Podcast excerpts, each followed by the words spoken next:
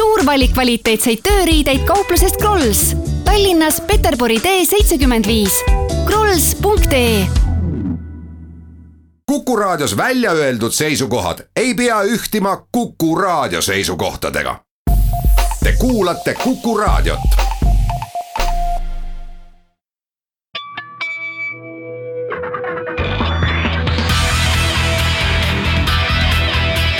õigus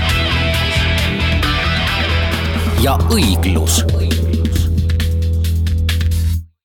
tere,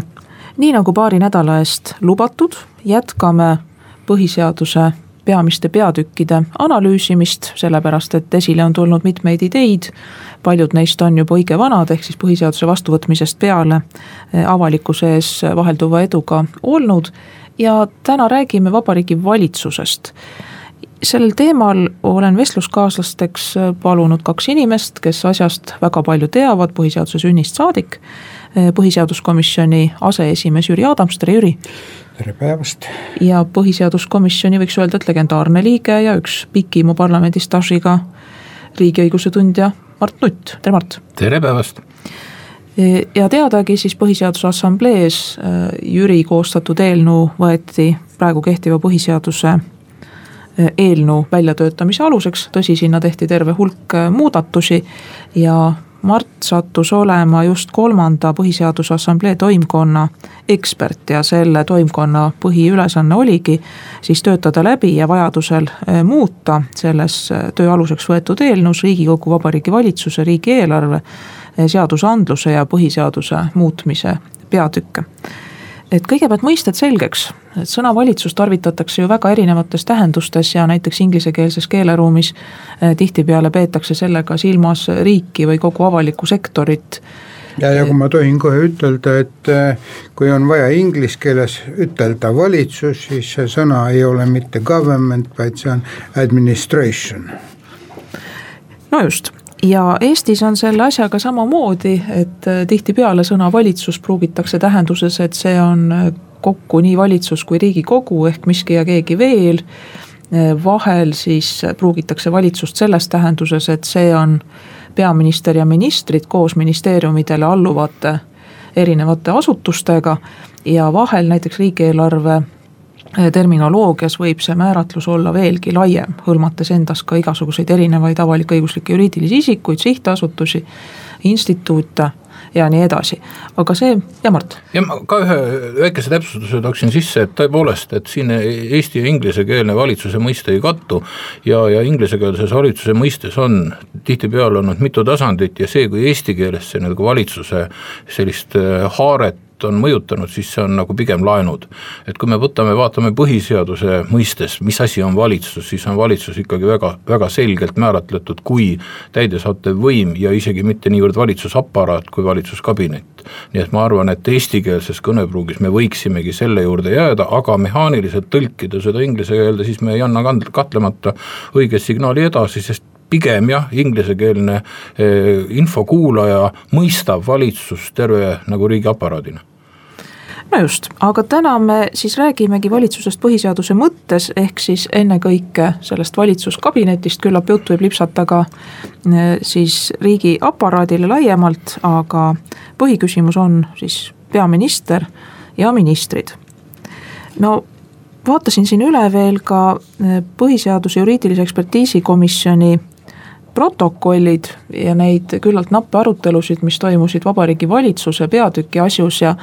ja siis äh, võib öelda, et üks küllalt üllatav tsitaat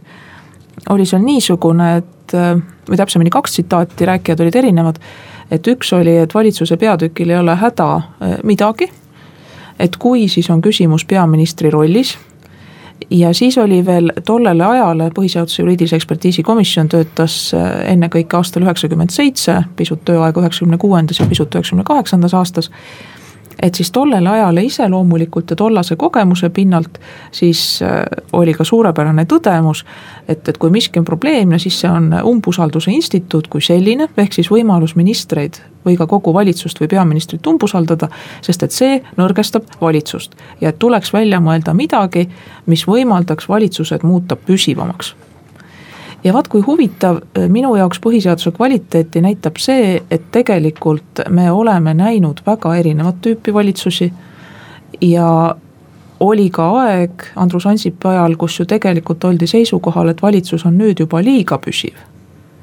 et sisuliselt ei olegi enam võimalik ei ministrit ega ammugi peaministrit vahetada ja kõik on aastate viisi ikka ühte ja samamoodi. et ehk siis kehtiva põhiseaduse raames oli võimalik nii see, et valitsus ja valitsusliikmed vahetusid küllalt sageli, noh, mäletate ehk neid ajakirjanduses neid valitsusremondi kohta tehtud pilalugusid.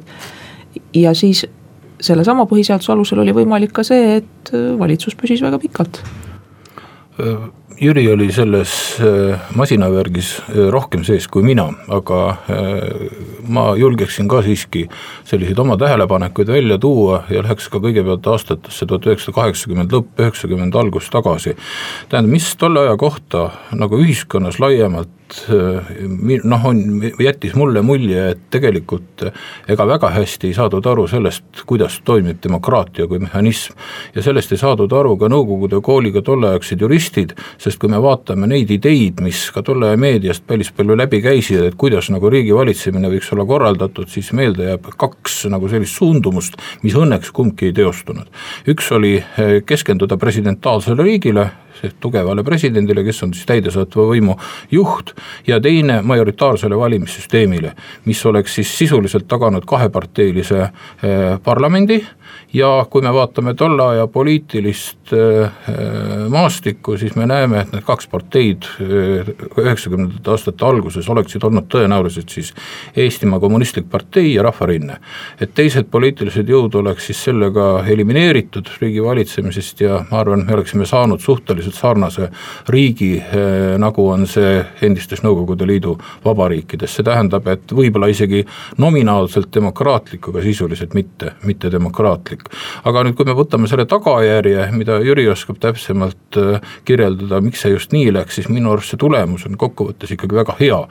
et me oleme tegelikult saavutanud äh, proportsionaalse valimissüsteemi kaudu olukorra, kus võrdlemisi lai inimeste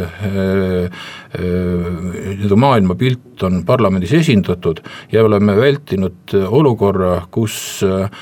üksikul isikul oleks riigis liiga suur võimalus domineerida, on see siis president, antud juhul siis kuna presidendi pädevused jäid eeskätt siis esindusfunktsioonidesse ja, ja presidenti otseselt, otse ei valita. ja, ja teine küsimus siis ka peaminister, et minu arust see natukene siin nagu on kas tegemist arusaamatuse või, või teadliku eksitamisega, kui püütakse arutada peaministri volituste ulatust, aga seda ei vaadelda nagu ühiskoosmehhanismis valitsus, vali, valimissüsteemiga sest eh, no iseenesest me võime ju seadustesse sisse kirjutada peaministrile sellised nii-öelda auto, autoritaarsed ja diktaatorlikud volitused, et peaminister lööb rusika lauale ja nii see nüüd hakkabki olema. ja kui me siis vaatame, et kuidas see mehhanism tema äh, proportsionaalses valimissüsteemis eh, toimida saab, kus paratamatult üheparteilisi valitsusi tõenäoliselt Eestis ei tule, kus tekivad koalitsioonivalitsused, siis tarvitseb peaministril sellist praktikat kasutada, kui see valitsus on lihtsalt laiali. Nii et selles mõttes, kui me tõesti mõtiskleme selles suunas, et peaministril peaks olema suurem otsustusõigus, siis me peaksime loobuma ka eh, koalitsioonivalitsuste praktikast ja see tähendaks valimissüsteemi muudatust, aga nüüd siis on küsimus, et et mida on retooriliselt ju väga palju ja korduvalt rõhutatud, et miks lõhkuda süsteemi, mis töötab ja töötab hästi, sest ma julgeksin öelda, nii palju kui mul on võrdlusmomente postkommunistlikust maailmast tulnud riikidega, kes siis osaliselt äh, on demokraatlikud, äh, alates siis üheksakümne esimesest, teisest aastast, osaliselt need siis puudutavad endist Nõukogude Liitu, ei ole demokraatlikud, siis ma julgeks öelda, et, et laias laastus Eesti põhiseaduslik kord on üks paremini funktsioneerivaid no ma läheks tagasi natukene selle valitsuskabineti väljakujunemise juurde, et ega Põhiseaduse Assamblees sellega nüüd üleliia palju ei tegeletud. Et äh, seal oli päris kindlasti äh, üks ainukene niisugune äh, jõujoon, mis tuli sellest, et enne Põhiseaduse Assambleed oli Eestis üleminekuvalitsusena valitsenud Edgar Savisaare rahvarinde valitsus. ja selle valitsuse üks niisugune veider omadus oli see, et äh, selles valitsuses vähemalt suur osa aega puudus ühtsus. et oli ministreid, kes töötasid äh, näiteks peaministrile vastu ja noh, ta ei töötanud orkestrina ja Põhiseaduse Assamblees äh, ja põhiseadus on sisse kirjutatud äh, vastupidine põhimõte, et valitsus peab olema peaministri meeskond, et peaminister ei ole küll mitte midagi muud kui nii-ütelda esimene võrdsete seas ja valitsuse äh, koosolekutel on temal ka ainult üks hääl, aga kui äh, peaminister on Riigikogus ametisse kinnitatud, siis äh, üksikuid ministreid meie põhiseaduse järgi ametisse ei kinnitata. peaminister valib nemad isiklikult välja ja president nimetab nad ametisse. nüüd eh, Riigikogule on muidugi jäetud võimalus, kui see valik on millegipärast, võiks olla ebasobiv, et siis umbusaldada üksikuid, aga üksikute, üksikute ministrite ametisse kinnitamist ei toimu eh, Riigikogu poolt ja see on tegelikult eh, andnud võimaluse üsna sujuvalt Äh, sujuvalt valitsusi kujundada. siia veel ütelda, et äh, Põhiseaduse Assamblees äh, osalistel oli väga meeles, et enne sõjaaegses Eestis oli valitsustel väga lühikene iga, et keskeltläbi oli valitsus ametis kümme kuud oli ka lühemaid ja, ja vist kõige pikem oli üks Konstantin Pätsi valitsus kolme aastaga, aga üldiselt üle aasta valitsusi peaaegu, peaaegu ei olnud. ja oli mingi hirm, et see kordub nüüd uues Eestis, aga see ei ole kordunud, meil on, meil on praegu olnud niisugune üldine muster on olnud see, et kui parlamendi koosseisu alguses saab üks valitsus võimule, siis ta on kaks-kolm aastat võimul ja siis on tõenäoliselt, toimub poliitiliste jõudude ümberkombineerumine aga noh, seekord oli nüüd niimoodi, et eks ole, Reformierakonna vahetas välja, välja Keskerakond, aga tavalisem on olnud see, et mm, enne järgmisi valimisi, umbes aasta, eh, toimub niisugune ümberpaiknemine, mille ilmselt seletuseks on see, et valitsusse kuulunud valitsusse kuulunud poliitilised jõud tahavad omale järgmisteks valimisteks äh, ettevalmistusena paremat positsiooni jah, tuhande üheksasaja üheksakümne teise aasta põhiseadus annab valitsusele täiendava tagatise püsimiseks, mida tuhande üheksasaja kahekümnenda aasta põhiseaduses ei olnud. noh, piltlikult öeldes siis, et valitsus saab umbusaldada, aga selleks on vaja Riigikogu koosseisu häälteenamust. ja see koosseisu häälteenamus tähendab seda, et valitsus on niikuinii tegelikult oma mandaadi kaotanud, et kui, kui nii palju läheb umbusaldusega kaasa. et kahekümnendate aastate ja kolmekümnendate aastate alguses piisas tihtipeale sellest, et üks saadik vahetas poolt ja valitsus oligi laiali. ja see oli kahtlemata selle ebastabiilsuse allikas, nii et ma kokkuvõttes leian, et selle täiendava tagatise sissetoomine üheksakümne teise aasta põhiseadus oli mõistlik, mõistlik lahendus, et see ei ole tekitanud kindlasti ka teistpidist ohtu, et valitsus liiga tugeva võimu omandab, sest ega parlamendi enamust mööda minna valitsus ikka ju tegelikult ei saa. nüüd teine küsimus, et see mehhanism, mis siis praegu toimib, et parlament otseselt ministrit ametisse ei nimeta, et see on nagu peaministri ja presidendi vaheline eh, koostöö, siis ma arvan, et ka selles ei ole probleeme. et kõiki asju ei ole mõtet ega saagi eh, seadustesse kirja panna, et mõned asjad kujunevad nagu tavade ja traditsioonide järgi ja me näeme ju Briti süsteem toimib ju väga tugevalt just nimelt nagu tavadest, traditsioonidest tulenevalt, ehk siis eh, tähendab see seda, et ega peaministril ei ole tegelikult väga vaba voli nimetada ministriametisse keda iganes. et esiteks, peaminister on eh, seotud omaenda erakonna seisukohtadega, teiseks on ta seotud parlamendi ja koalitsioon, eeskätt koalitsioonipartnerite ja, ja siis noh, mingil määral ka presidendiga, sest presidendil põhimõtteliselt ju on ka õigus peaministri kandidaat vetostada, kuigi see parlamentaarses praktikas ei ole hea tava, Lennart Meri seda korra proovis teha üheksakümnendate aastate alguses, aga see peaks olema siiski selline erakordne, erakorraline eh, olukord, nii et tegelikult peaministril on raamid päris tugevalt eh, ministrite valiku sees ja, ja peaminister, kui ta nüüd liigselt hakkab soleerima, kui ta ei anna päris selgelt aru, eh, kuidas seda ministri valikut teha, siis see peaminister ilmselt kaotab ka oma positsiooni, nii et äh, see võib-olla siis on tegelikult jälle üks see valdkond, mida ma arvan, et me ei pea seadustes hakkama kuidagi täpsemalt lahti kirjutama, et see on nagu praktikaga päris hästi paika läinud.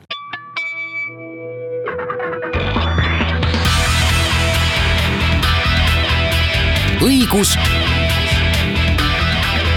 ja õiglus jätkame saadet, räägime täna Vabariigi Valitsusest Eesti põhiseaduse mõttes. stuudios nagu ikka kolmekesi, Jüri Adams, Mart Nutt ja Ülle Madise. ja enne reklaamipausi jäime küsimuse juurde, kuidas valitsus äh, paika saab. et ehk siis kõigepealt peaminister peab saama Riigikogu toetuse nüüd need ettekanded, mille peaminister peab, on äh, põhiseaduse kehtimise kahekümne kuue aasta jooksul muutunud kui üheksakümne teisel aastal veel ettekandes Mart Laar ka rääkis parlamendile, et kes on eh, ministrid ja rääkis isegi majandusnõunikust, nimetas Ardo Hanssoni eh, nime, et siis hiljem, kui tuli näiteks Tarandi jõulurahu valitsus, et siis ka väga konkreetsetele küsimustele, näiteks et kellest saab uus siseminister, et siis nendele peaministrikandidaat ei vastanud. ja nüüd siit ongi eh, järgmine küsimus seda juba mainisime, et, et kui peaminister on saanud valitsuse moodustamiseks parlamendilt volitused, et siis ta peab esitama ministrikandidaadid vabariigi presidendile. ja mõistagi on viisakas need kandidaadid enne presidendiga läbi rääkida, nii et president ei kuule meediast, kes on väidetavalt uus minister, sest tõesti, presidendil on ka teatud võimalused ministri nimetamisest keelduda. aga nüüd, kui sa, Mart, ütlesid, et asi toimib et siis äh, on ka neid lähenemisi, et peaministri meeskonnast täna enam rääkida ei saa, sellepärast et koalitsioonilepinguga jagatakse äh, portfellid ära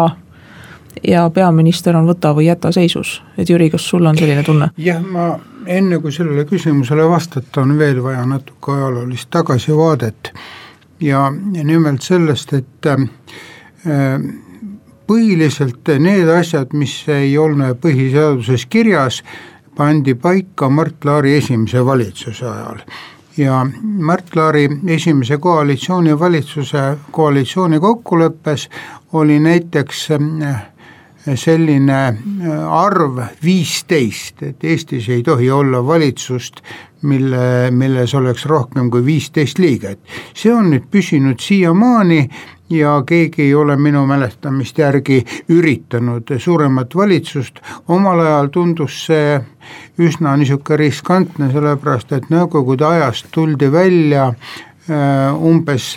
või nõukogude aja lõpus oli Eestis umbes kakskümmend viis erinevat sellist riigiasutust, nad ei kõik andnud kõik äh, ministeeriumi nime, aga noh, nad sisuliselt olid seda. Ja äh, Mart Laari esimese valitsuse ajal viidi läbi üks niisugune reform, et nendest kahekümne viiest koondati kaheteistkümneks, kui ma nüüd ei eksi, ja siis jäi veel nii-ütelda kahe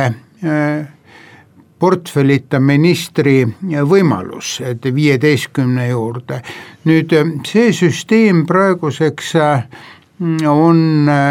kujunenud hoopis teistmoodi ja muutumine algas kindlasti kahe tuhande kolmandal aastal, kui Res Publica võitis valimised ja moodustas, moodustas oma, oma valitsuse,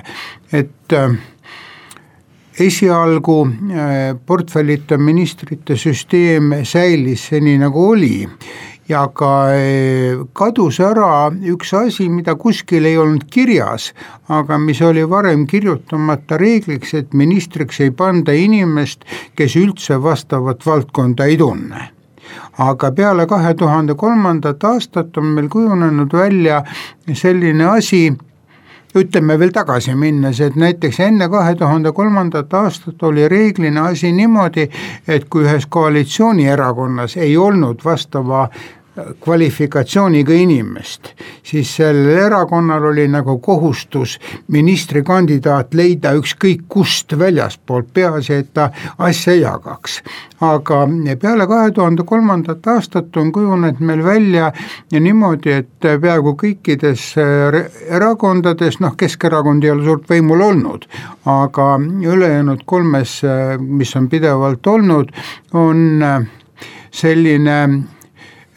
tippliikmed, neli-viis inimest, kes pidevalt vahelduvad erinevatel ministrikohtadel. Ja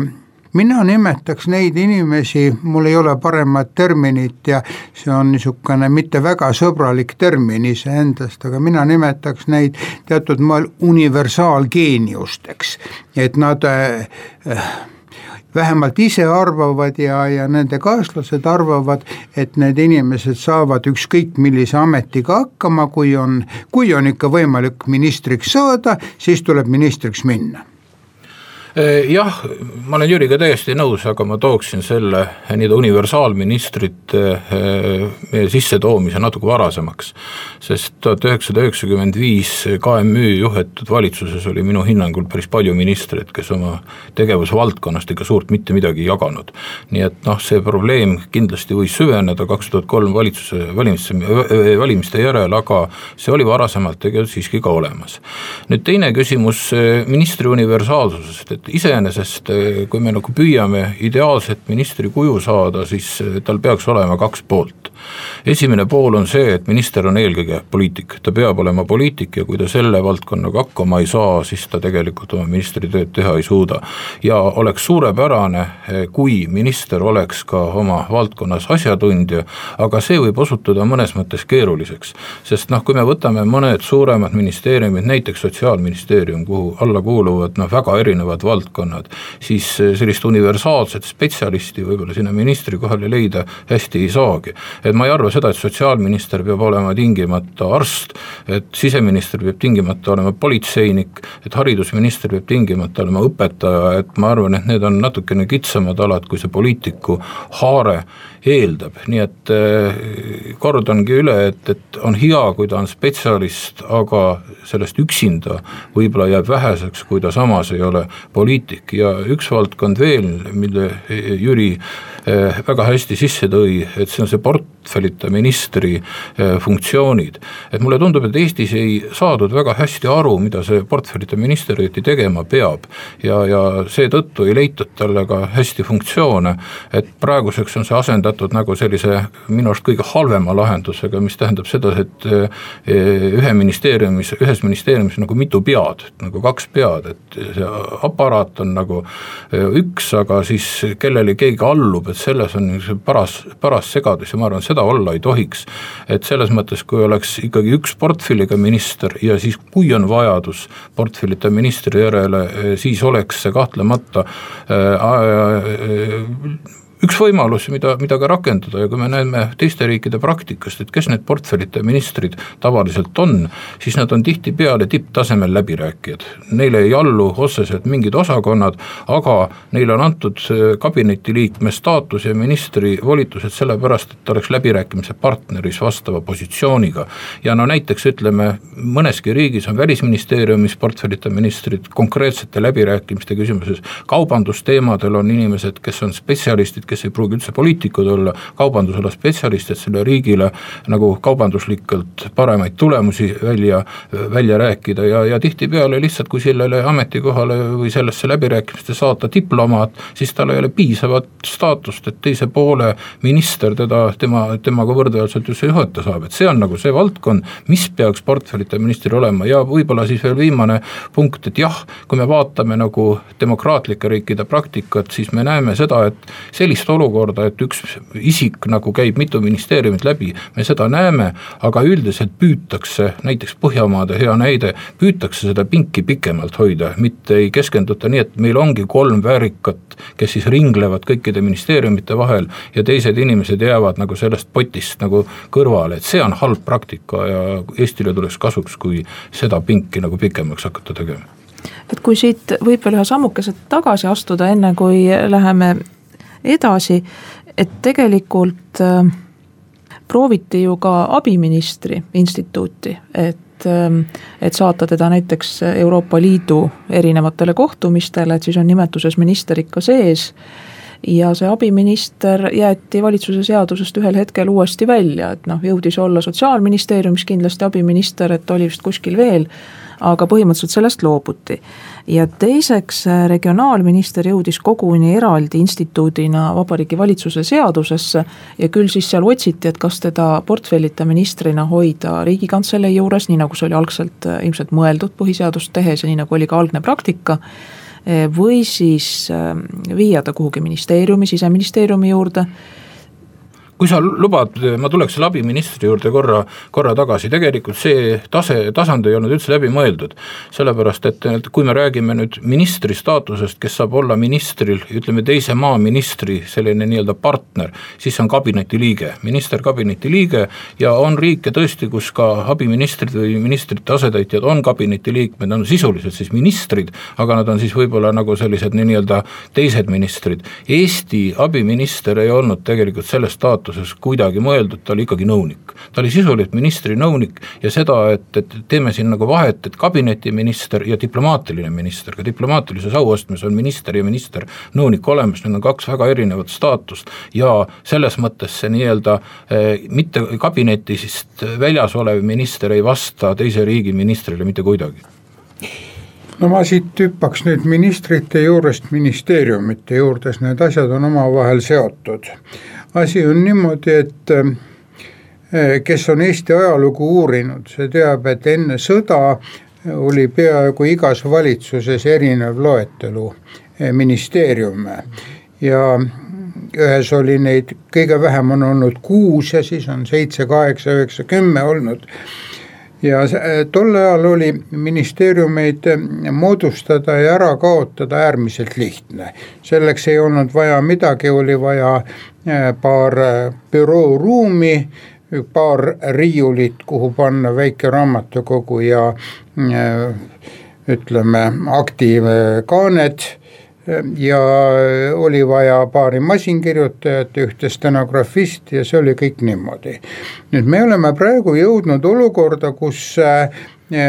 iga ministeeriumi keskuseks on server ja äh, IT äh, osakond nii et äh, see on reeglina üks suur maja, ta võib ka mitmel pool olla, aga üldiselt eelistatavalt üks maja, kus on siis sadu ja tuhandeid erinevaid kaableid, mis lähevad ühe kompuutri juurest teise juurde. et olukord on praeguseks jõudnud selliseks, et kui ühel valitsusel võiks tulla pähe hull mõte ministeeriume vähendada või ministeeriume juurde teha, et siis eh, selleks läheb hulk aastaid pärast seda, seda otsust, et, et niisuguse asjani jõuda, et mina väidan praegu seda, et olemasolevad üksteist ministeeriumit tõenäoliselt lähema kümne aasta jooksul ei muutu, võib-olla isegi ikka kauem. Ja sellises olukorras on Äh, muutunud oluliseks hoopis äh, kaks, äh, kaks muud asja, nimelt kõigepealt see mõnes mõttes õnn ja mõnes mõttes õnnetus kantsleri institutsioon, mis meil ministeeriumites on, ma ei oska isegi seletada, kust tema tuli, aga vähemalt algusaastatel oli tema, tema suur õnnistus ja ka praegu on niimoodi, et kantslerid hoiavad sisuliselt ministeeriumi täiel hool käimas juhul, kui äh, ministrid vahetuvad või on, või on mingisugused teised, aga samal ajal on äh, tulemus olnud ka see, et äh, reeglina mitmed ministeeriumid töötavad selliselt hästi oma peaaegu et eluaegsete kantslerite juhatuse all, et tegelikult sinna nagu ministreid ei olekski, ei olekski suurt,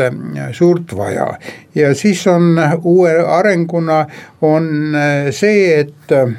nüüd on võetud suund sellele, et ühes ministeeriumis oleks rohkem kui üks minister, see on täiesti minu jaoks nii juriidiliselt kui poliitiliselt arusaamatu areng. sellest räägime edasi peale väikest reklaamipausi.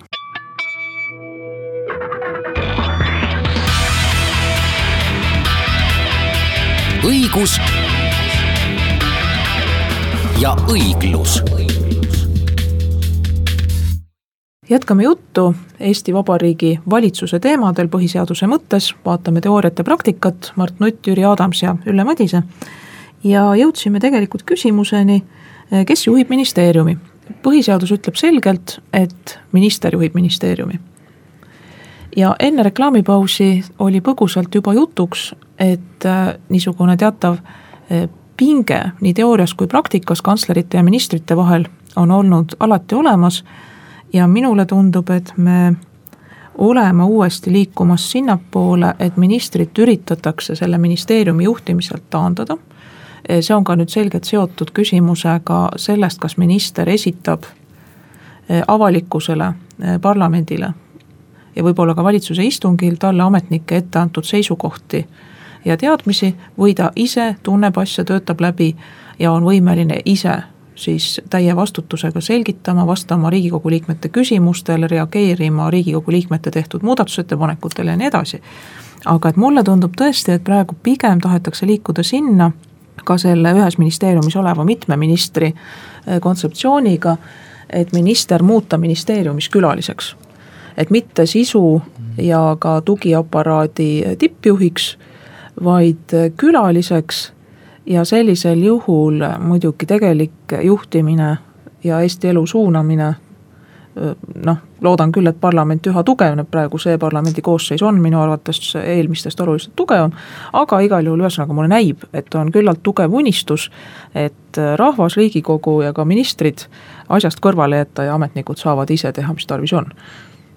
no mulle tundub, et ka see on tegelikult päris pikk protsess ja see on nii-öelda samm-sammult küll põhiseadusliku korra raamides, aga niimoodi läinud, et me oleme siirdunud üha tugevneva haldusriigi, riigi suunda. et ma julgeks öelda, et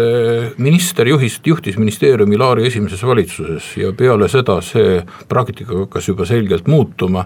ütleme, ametkonnad hakkasid ennast koguma ja, ja, ja suhteliselt võib-olla personaalselt nõrk valitsus, mis või nõrgad valitsused, mis, jätame erandid kõrvale, oli ka tugevaid ministreid, aga suhteliselt nõrgad valitsused, mis siis alates üheksakümne viienda aasta valimiste järel tekkisid, et need andsidki tegelikult ju väga jämedad hoovid äh, ametkonnale ja noh, kui me läheme tagasi ajakirjandusse,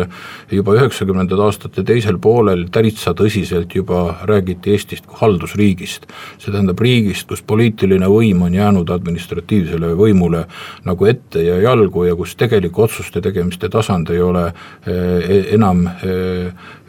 ei parlament, ei isegi mitte ka valitsuskabinet, vaid need, see otsuste tegemise tasand on läinud ministeeriumi aparaadi kätte ja, ja noh, kui ma siin olen aeg-ajalt püüdnud välja tuua, et kes on siis need kõige suuremad otsustajad, ma julgeks öelda, et need ei ole isegi mitte kantslerid. see on asekantslerid ja, ja osakonna juhatajad, selline administratiivne tasand ja, ja, ja nende ütleme, kui kui asekantslerid ja osakonnajuhatajad erinevate ministeeriumite vahel lepivad kokku, millist asjaajamist edasi, edasi viia, siis mulle tundub, et valitsusel, sõltumata sellest, mis parteid sinna ka ei kuulu, valitsusel võimalust seda arengut väärata on suhteliselt vähe. ma ei taha öelda seda, et kui valitsus ei pane nagu mingisugust väga selget asja lauale, mis ta siis ka ei ole, et ütleme, see on meie valitsusprogrammist ja koalitsioonileppest tulenev, see tuleb ära teha, siis see ka ära tehakse aga eh, põhimõtteliselt selline nagu jooksev otsustusmehhanism toimub ikka ministeeriumite sees ma arvan, et üks teema on, mida me ei ole puudutanud ja see on küsimus, eh, kas kõik ministeeriumid on võrdsed omavahel või ei ole. Formaaljuriidiliselt on kirjas, et eh, ministeeriumid on võrdsed, aga tegelikult on meil kogu aeg olnud olukord, kus üks ministeerium areneb teistest oluliselt tähtsamaks ja siis, kui ta vähemalt ei kamanda teisi, siis tal on vähemalt võimalus teiste ettepanekuid tagasi lükata, nii-öelda vetostada. ja iseseisvuse taastamise ütleme järgsel esimesel viieteistkümnel aastal oli selliseks ministeeriumiks oli justiitsministeerium, aga see on täiesti arusaadav, et tol ajal olid mm, igasugused äh, õiguskorra äh, süsteemi reformid oli, olid kõige tähtsamad. et mingil hetkel Justiitsministeerium kaotas selle oma nii-ütelda superministeeriumi staatuse ja see liikus üle rahandusministeeriumile. ja praegu, kuna eelarvet enam ei tehta Riigikogus, eelarve äh, ettevalmistamine ja kõik huvigrupid töötavad seoses äh, rahandusministeeriumiga, siis äh, praktiliselt rahandusministeerium on muutunud ülemaks kõikidele teistele. Ja see võib tunduda, muidugi see juhtus Reformierakonna valitsemisperioodide ajal ja sellepärast, et Reformierakonnal see eelarve nõndanimetatud tasakaalu küsimus, tähendagu see tasakaal siis mida tahes, oli alati tähtsam kui noh, riigi poliitilised või, või, või sotsiaalsed huvid, aga eh, praeguseks hetkeks tundub niimoodi, et enamik teisi ministeeriume on kaotanud igasuguse tegevusisu, et nad on demoraliseerunud ja tegutsevad ainult nii palju, kui neile rahandusministeeriumi ametnike arvust, armust äh, eelarvevahendeid lubatakse, et äh, minu arvates äh, see on isegi ohtlikum küsimus kui see küsimus juriidilisest segadusest, mis on seotud selle kahe või rohkema ministri, ministriga ministeeriumites, et kui ei suudeta teiste ministeeriumite noh, erialalist kompetentsi ja väärikust taastada, et äh, siis äh, jätkab, jätkab Eesti riik libisemist niisugusesse noh, üha enam eluvõõrasse suunda? no siin tasakaalustuseks ma tahaksin rahandusministeeriumi ametnikke ka kiita, et ma olen seda ise näinud, kus jah, see, mida Jüri räägib, et tegelikult kõik see, mis on seotud rahaga, et siin on jämedad otsad kõik rahandusministeeriumi käes, see on tõsi aga tahan kiita rahandusministeeriumi ametnikke, et, et tegelikult nad on tublilt, hästi asjatundlikult äh, seda tööd teinud. muidugi ma ei ja kritiseerinud teiseks, ju ametnikke, ma kritiseerisin süsteemi. just, et äh, jah, olgu siis öeldud, et tõepoolest ministriportfellide nii-öelda raskus ja väärtus tundub olevat õige erinev, mis tegelikult peaks ka valitsuse moodustamisel välja lööma. aga tahtsin ühe korrektsiooni veel teha et ega hea ei ole ka see, kui kiirustades koalitsioonileppes lepitakse kokku kas või mingid rahaallikad, näiteks mingid aktsiisitõusud eh, või siis mingid uued maksud kas või, või siis näiteks nii, nagu me praegu oleme astmelise eh, tulumaksu niisuguses süsteemis, kus astmed nii-öelda karistavad või maksustavad kõige rängemalt madalamat keskklassi ja seda on veel lisaks keeruline administreerida ja seal on terve hulk igasuguseid mõjusid ja seda ma olen ise näinud ja kuulnud, kus rahandusministeeriumi väga asjalikud ametnikud ütlevad, et sellised mõjud on. või justiitsministeeriumi väga kogenud ametnik ütleb, et vaat, et neid liiklustrahve ei laeku juba praegu, te võite eelarvesse selle nulli või juurde kirjutada või koma nihutada. aga tegelikult ega sealt tulema ei hakka ja nii edasi. ja seda ei kuulata nii et selles mõttes ega nendes asjades nüüd ametnike diktaati ka ei ole, et kui küsimus no, on, et kus alkoholiaktsiisiga alt minemine on siiski põhiliselt kantav eh, eluvõõraste ametnikke minu arvates, kes, kes kujutavad ette, et inimesed on, ongi selleks, et korralikult makse maksta. Noh, ma kahtlustan eh, siiski, et tegelikult seda ka öeldi, et pigem see tulemus võib olla see, et et, et makse lihtsalt ei laeku ja, ja, ja siis arvestades inimkäitumise eripärasid, juuakse pigem rohkem. aga, aga siit veel edasi minna, et vot, kui me tulime selle ministeeriumi juhtimise juurde ja ministeeriumi rolli juurde seal, et siis seda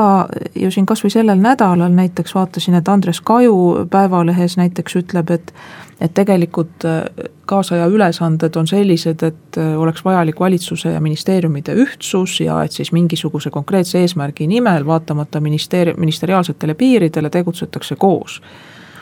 et vot minu jaoks on kuidagi et nüüd siin see Andrease mõtte tsiteerimine lõpeb, et ma seda kuidagi ei kritiseeri et kahtlemata on elu keeruline ja, ja väga paljudel otsustel on alati olnud nii juriidiline, rahanduslik, majanduslik, sotsiaalne, tihti keskkonnamõju ja veel muid mõjusid. ja see koostöö on vajalik ja see on täiesti õige, et äh, tegijatel inimestel peaks olema võimalikult vabad käed, et vabaduse ja vastutuse raames Eesti inimeste heaks äh, pühenduda ja tööd teha. aga ikkagi mul on kuidagi hästi keeruline eristada seda nii-öelda poliitilist juhtimist ja siis ministeeriumi juhtimist et ehk siis ma ei kujuta päriselt ette, kuidas see saab olla nii, et kuskil on poliitiline kabinet, mille liikmed ministeeriumi juhtimise ehk siis elualade juhtimise ja analüüsiga ei tegele. ja siis on ametnikud, kes siis kõik koos ministeriaalsete piirideta just sellega tegelevadki. et kui ma võtan mis tahes praktilise elulise näite, et siis ma ei suuda tuvastada et kus on see probleem või mis siis on läinud halvasti või mis saaks minna hüppeliselt paremini, kui ministrid enam ministeeriumi ei juhiks vaid tegeleksid ainult poliitikaga. ja samal ajal siis ministeeriumid omakorda tegutseksid kõikide ülesannete lahendamisel üheskoos et kas teie suudate seda kuidagi ette kujutada või mis, mis point siin on? no ma arvan, et seda mehhanismi tuleb tegelikult põhjalikumalt analüüsida, kui ühes raadiosaates selleks aega on, aga äh, alustaksin sellest, et kui minister ei tegele poliitikaga, siis ta ei saa ministeeriumit juhtida. ja kui minister ei juhi ministeeriumit, siis ta ei tegele ka poliitikaga, et selles mõttes kahtlemata ministri tasand on väga oluline eh, just nimelt nagu poliitika elluviimise küsimuses, sest eh, iseenesest ega ametnikul, riigiametnikul ei ole volitust poliitikat ellu viia, tema ülesanne on tegelikult hoida masinavärk töös ja see poliitiline tasand peaks otsustama, millised on siis need poliitilised valikud. et kui ministrid jätavad selle tegemata, siis see poliitiliste valiku tegemine läheb paratamatult ametnike kätte ja ametnikud on, teevad poliitilisi valikuid mitte siis vastavalt sellele või lähtuvalt sellest, millised on valimistulemused, millistele parteidele on antud mandaat, vaid oma parema äranägemise järgi. ja, ja sellepärast ei taha mina neid kuidagi kritiseerida, aga need valikud ei ole tegelikult demokraatlikule riigile üldiselt omased. Need on nagu sellised noh, juba nagu räägitud, tugevad haldusriigi, tugevalt administratsiooni huvidest eh, tulnud otsused ja, ja mõneti on siis ametnikud selles küsimuses sundseisus. nüüd kuidas see süsteem peaks töötama, no eks siin on maailmas erinev praktika ja minu arust kõige suurem viga on see, et kui me püüame nagu hakata neid lahendusi otsima poliitilisest süsteemist, millega Eesti põhiseadus põhiseaduslik kord üldse ei haaku. kui me hakkame näiteks Ameerikast neid otsima, kus ministeeriumit e-, Euroopa mõistes ei ole olemas ja kus ka ministreid Euroopa mõistes ei ole olemas, kus on nagu presidendi administratsioon on selline ühtne valitsusaparaat, mis on parlamendist võrdlemisi sõltumatu ja ja, ja mille kogu see võimumehhanism püsibki hoopis teistsugusel nagu, nagu mitte niivõrd poliitilisel, vaid, vaid ametkondliku juhtimise tasandil, noh Ameerika president on laias laastus ainus, ainus poliitik ju selles süsteemis tema nii-öelda ministrid või nii-öelda kabineti liikmed või riigisekretärid või kuidas neid siis me armastame parajasti tõlkida, et nad tegelikult viivad nagu seda presidendi administratsioonipoliitikat ja presidendi tahet nagu selles mõttes ellu, et kontinentaal-Euroopas see süsteem kindlasti ei tööta. et kus see koordineerimise tasand peaks olema, see koordineerimise tasand peakski tegelikult ikkagi valitsus olema, sellepärast et valitsus lepib kokku oma äh, poliitilised sammud, siis eelda-, noh, soovi korral, soovi kohaselt neljaks aastaks järgmiste valimisteni, noh, võib-olla valitsus nii kaua ei püsi, kui kui minnakse riidu või kui tekivad uued valikud, siis mis seal ikka, siis tuleb uus valitsus, aga põhimõtteliselt valitsus peab nagu olema see koordinatsioonikeskus, mis selle tagab. et seda on raske ette kujutada, et see koordinatsioonikeskus on kuidagi nagu ametkondlikul tasandil, mis ei tähenda üldse seda, et, et nii-öelda ministeeriumite vaheline sidustus ei peaks olema tugevam ja, ja selles mõttes nagu koostöö koordineerimine peaks igal tasandil, tasandil töötama küll. et selles mõttes, kui armastatakse rääkida siin silotornist või, või, või, või siis näiteks ametkondlikest konföderatsioonist, et et nagu iga ametkond ajab oma asja ja selles ei, dubleerib teisi ametkondi, pilti nagu sellest, mis mujal toimub, väga, väga ei ole, siis ma arvan, see kriitika on õige. aga selle kriitika või selle probleemi lahendamine, nagu on seda aeg-ajalt välja pakutud, nii nagu nagu ka mõned äh, riigireformi kavad pakuvad välja, et aga tsentraliseerime seda juhtimismehhanismi edasi. võtame nagu, koondame nagu selle võimu siis äh, ministrite käest veelgi mingisugusele kõrgemale administratiivsele tasemele ja, ja siis äh, see nii-öelda võimupüramiid muutub noh, tunduvalt rohkem, kui praegu on selliselt nii-öelda äh, käsuliinipõhiseks juhtimiseks, siis ma arvan, et sellega me tegelikult teeme ka demokraatiale väga suure karuteene, kusjuures me tegelikult seda silotornide probleemi ei, ei ületa, no üks hea näide, mis võib-olla äh, oleks tark meelde tuletada, kogu Nõukogude süsteemi juhtimine ju tegelikult niimoodi nagu sellise ainujuhtimise põhimõttel töötas ja Nõukogude süsteemil oli väga tüüpiline, et üks ametkond ei teadnud, mida teine teeb ja siin peame täna punkti panema, kuigi juttu jätkuks veel pikalt ja ilmselt neil teemadel ka mõne aja pärast jätkame, mõeldes ka sellele, et, et mis siis võiksid olla lahendused, aga tänan siin Jüri Adamsit ja Mart Nutti saatesse tulemast, aitäh kuulajaile ja kuulmiseni!